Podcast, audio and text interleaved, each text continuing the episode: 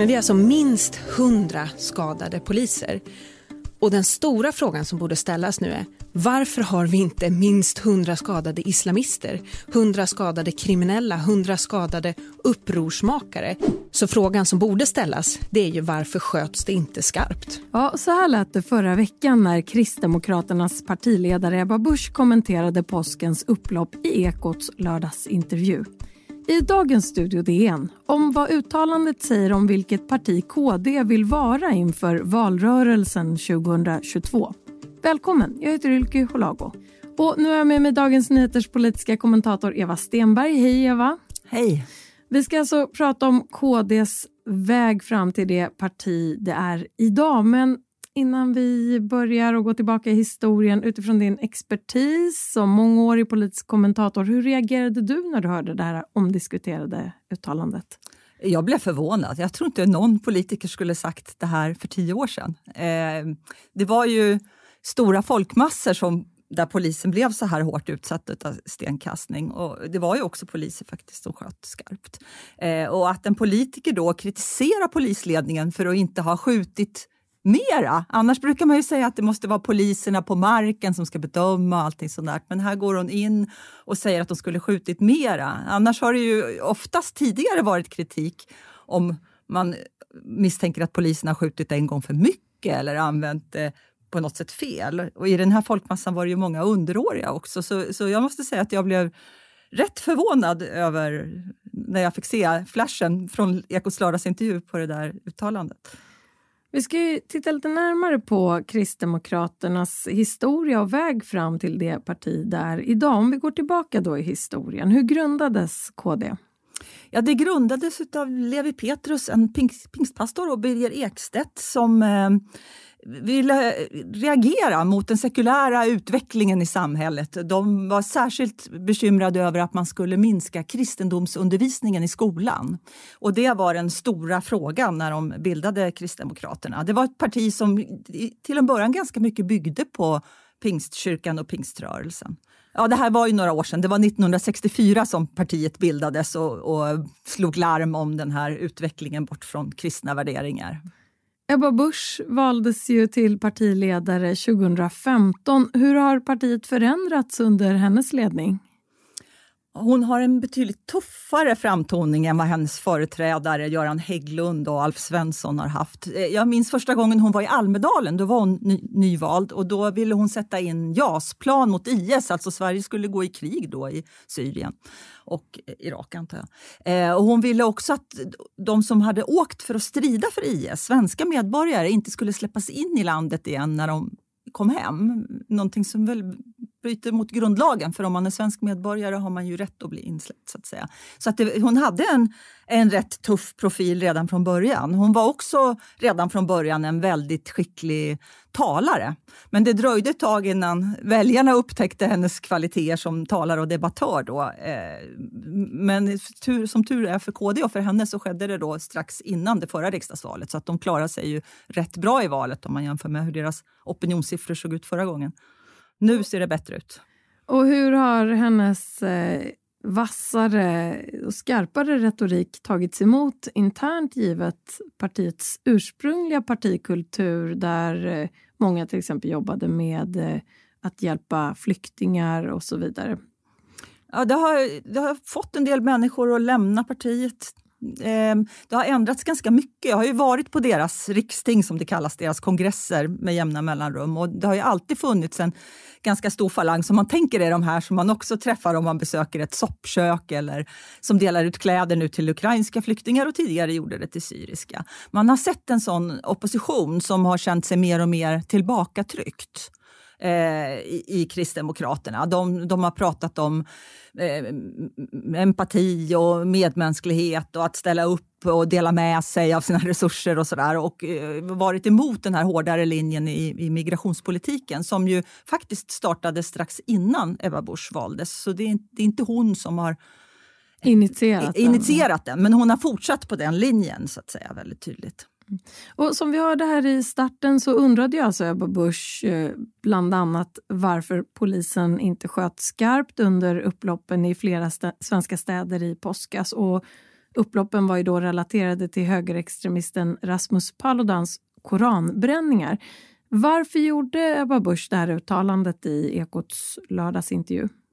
Jag tror hon ville dra uppmärksamheten dels kring det som hände, att det var någonting exceptionellt. Att det var någonting som inte brukar hända. Det var ett väldigt grovt våld mot polisen och det var någonting som naturligtvis är ett misslyckande för regeringen som hon ville fästa uppmärksamheten på genom att använda dessa oerhört drastiska formuleringar. Jag tror också att hon försöker ta initiativet. Har ju, trots att oppositionen beskriver ju hur dåligt allting har gått. Allt har gått ut för och blivit sämre i Sverige men de har inte fått med sig en majoritet av väljarna på att vilja byta ut regeringen trots denna beskrivning så att säga.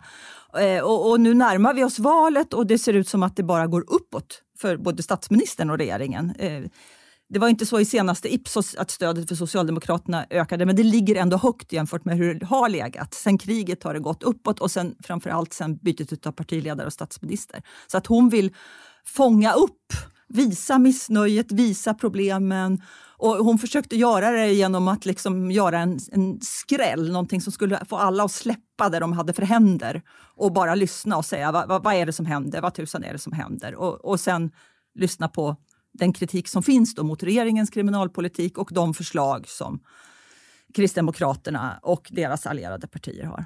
Vi ska lägga till här att, eh, som du nämnde tidigare också, att polisen faktiskt sköt skarpt och att flera personer skadades eh, av det under eh, de här upploppen. Eh, men eh, hur du säger att hon eh, ville väcka uppmärksamhet, få folk att släppa allt för händer. Hur lyckades hon? Ja, hon gjorde ju onekligen en tonartshöjning här i den här debatten.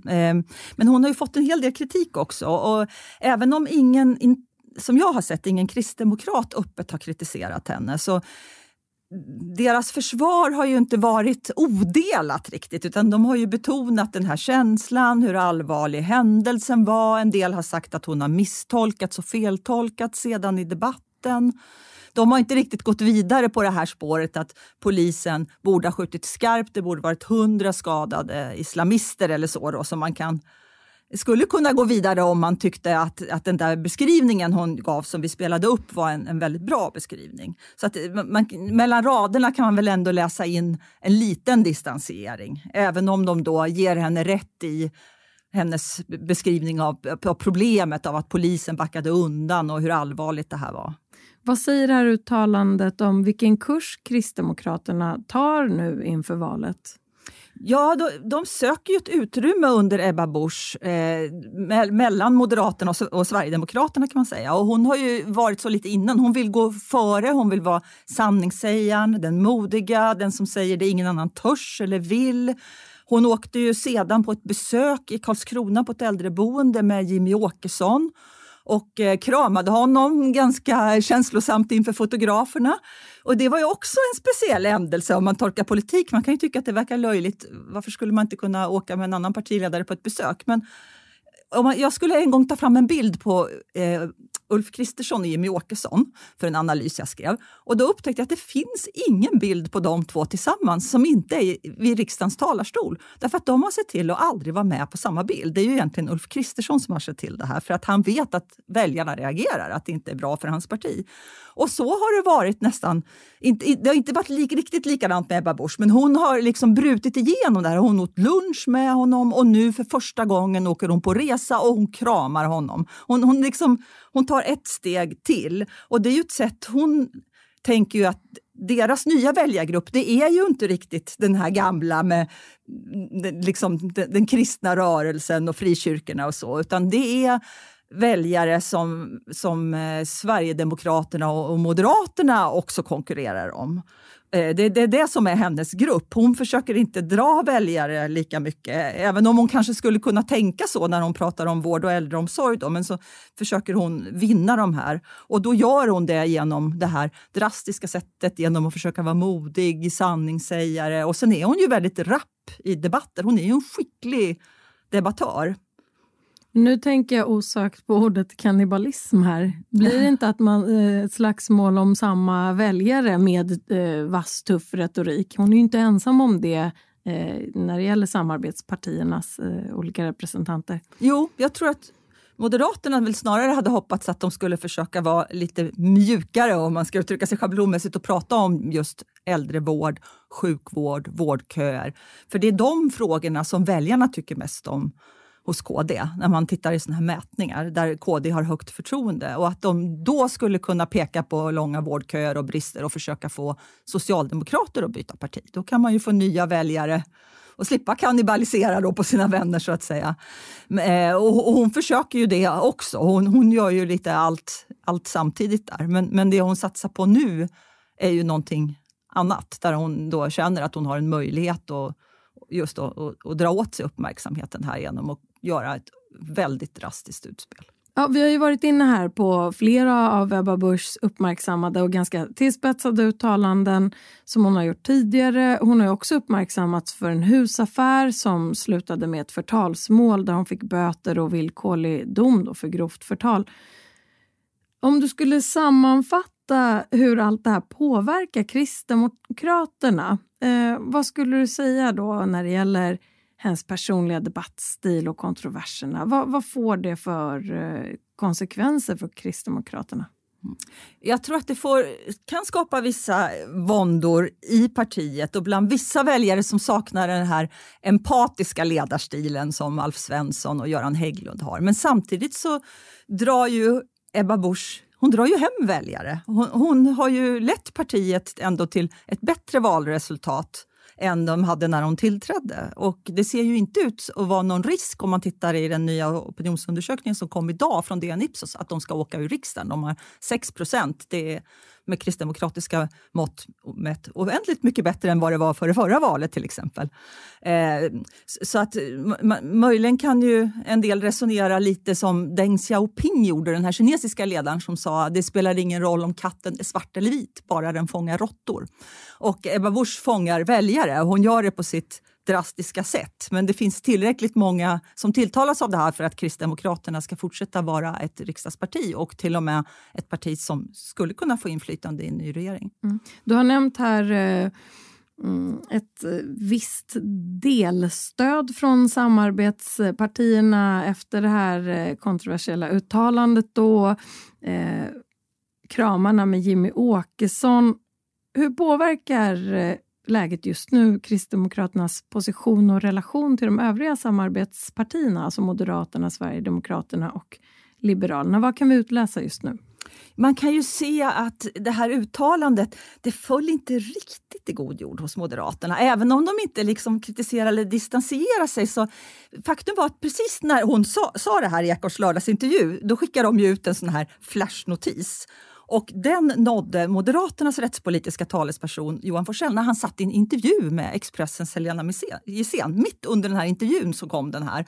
Och då sa han polisen har ju skjutit skarpt så jag förstår inte riktigt Folk har ju skadats av rikoschetter, men att använda tjänstevapen ska ju vara den absolut sista åtgärden. Jag vänder mig mot idén som jag märker på sociala medier att man bara ska skjuta på allt som rör sig så kan man hantera problemen.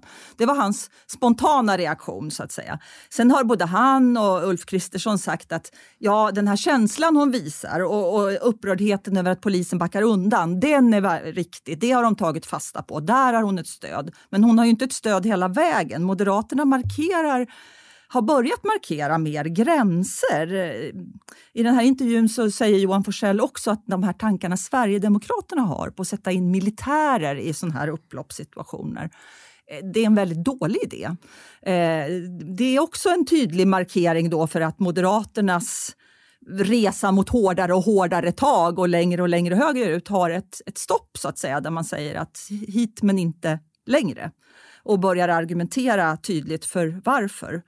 Eh, Sverigedemokraterna däremot, de gick ut med ett ännu radikalare förslag. Så de reagerade lite tvärtom då. För de menar ju då att man ska börja med kollektiv bestraffning i svensk rätt. Så att om en familj har en son som gör någonting allvarligt och de inte är svenska medborgare, då ska hela familjen utvisas. Så att då ska plugghästen till stora syster ut om lillebror gör någonting eller vad det nu kan vara då så att säga. Det, det är ju en en åtgärd som vi tidigare inte har haft i, i svensk rättskipning. Och, eh, de gick också ut då bland annat med det här med att man ska sätta in militärer i förorter, kunna införa undantagstillstånd med utegångsförbud en serie eh, väldigt tuffa åtgärder. Så att Sverigedemokraterna värnar ju om sin flank där, att de ska vara de som har de allra hårdaste tagen i en tid när väljarna i opinionsmätningar faktiskt efterfrågar hårda tag. Många är oroliga för brottsutvecklingen. Och, och det, det, kanske inte är så att, att alla väljare heller sitter och tänker vad står de här poliserna i för situation under de här upploppssituationerna? Vad, vad, vad hade de för information? Vad ser de? Vad vet de? Samtidigt så att det kanske ju, låter, ja. Man kanske tycker att det låter bra då om man säger att det är klart de ska öppna eld. Jag tycker också man kan notera vad som inte sägs i den här debatten. Den saken diskuteras ju inte, men det är inte heller så att man diskuterar varför blev det så här? Alltså, polisen ska ju bedriva ett underrättelsearbete. Här togs de ju väldigt mycket på sängen av händelseutvecklingen och efteråt har de ju sagt att det var organiserat, att det fanns organiserade inslag, att det var organiserade brottslighet och så. Eh, eh, man kan ju tänka sig att en åtgärd mot sådana här upplopp som hade kunnat diskuteras var hur ska polisen bli bättre på underrättelsearbete för att kunna komma dit med lagom många personer och har tänkt igenom hur man ska uppträda och ha med sig den utrustning man kan behöva och sådär för att inte hamna i ett läge där man kan bli tvungen att skjuta skarpt så att säga. Eller, eller för att hamna i ett läge där man kan bli tvungen att retirera. Men den debatten har inte förts, utan det, det handlar väldigt mycket om hårdare tag, att gå längre, att man eh, ska utvisa folk eller att man ska eh, kunna sätta in militär eller un, un, skjuta skarpt eller utegångsförbud. Det, det, är det, det spannet, det häradet hela tiden man diskuterar åtgärderna. Mm. Och nu är det då mycket som har kretsat senaste veckan kring just Ebba Buschs uttalande som har blivit någon slags plattform för hur, vad det här samtalet handlar om. Hur, hur ser du att uttalandet landar i en större politisk debatt? Vad, hur låter det från de politiska motståndarna? Ja, de har ju inte blivit imponerade naturligtvis. Eh, är hon inte klok? frågade justitieministern. Eh, en mindre förutsägbar kanske kritiker var ju polisfackets ordförande Lena Nitt som sa detta är ett oerhört uttalande. Att en svensk politiker närmast uppmanar svensk polis att skada ett hundratal personer genom att skjuta skarpt hör inte hemma i en rättsstat, sa hon eh, när hon hörde det här uttalandet. Och det var ju där också som Eva Busch sa att, att hon tolkade alldeles för långt, att det inte var det hon hade sagt. Men det, det, var ju en väldigt hård reaktion mot det här. Men lite var det ju säkert så att Eva Busch, ju, hon har ju varit partiledare länge nu. Hon är en proffsig partiledare och hon, vet, hon är inte dum. Hon förstod ju att det skulle bli en uppståndelse naturligtvis när hon säger det här. Och hade hon på något sätt uttryckt sig konstigt eller fel, det var ju en intervju på nästan en halvtimme. Hon hade ju haft chansen att lägga till något. Hon tog upp det här själv så att säga. Hon, hon vill ju ha starka reaktioner tänker jag. Det här är ju en del i taktiken, att man kan få den här starka uppmärksamheten för ett problem. Och sen kan man gå ut och nyansera sig lite och distansera sig från sitt uttalande. Men då har man fått allt ljus och en debatt i flera dagar på precis den frågan som man vill debattera på det sättet man vill ha den debatterad också. Och avslutningsvis, eh, vad säger allt det här om val, valrörelsen 2022? Vilka tongångar kan vi tänkas få märka av fram till september? Ja, jag tror det säger någonting både om tonläge och om frågor. För det här kommer ju vara oppositionens stora fråga, tror jag. Om det inte händer någonting så att det här problemet börjar vända. Men som det är nu så har ju de här skjutningarna på gator och torg då, som kriminella utför eh, ser faktiskt ut att öka, inte minska. Och vi har haft de här upploppen och det är en, en extremist som åker runt och vill provocera fram våld. Eh, som kommer att kandidera i valet och som kommer att fortsätta göra sådana här turnéer och bränna koraner överallt han kan och elda under hat och vrede överallt han kan. Eh, så att det där ser ju ut att vara ett, ett problem som, som oppositionen liksom kan ta fasta på. Och Det andra är det här tonläget, att det är så högt och att det låter mer polariserat. Svensk politik slår ju mellan samarbete och hård strid. Men det här ligger ju liksom i en ytterkantigt tonläge. Det är, det är nästan amerikansk retorik som Ebba Busch har valt här. Det skulle ju kunna vara Donald Trump som sa det här. Jätteintressant eh, reflektion. Jag hoppas att vi får fler tillfällen att prata mer om detta fram till valet. Eh, för den här gången, tack så mycket Eva Stenberg, politisk kommentator här på Dagens Nyheter. Tack för att jag fick komma. Om du vill kontakta oss så går det bra att mejla till studiodn dn.se. Och kom ihåg att prenumerera på Studio DN där du lyssnar på poddar så missar du inga avsnitt. Studio DN görs för Podplay av producent Sabina Marmelakai. Ljudtekniker Patrik Miesenberger, teknik Oliver Bergman på Bauer Media och jag heter Ylky Holago.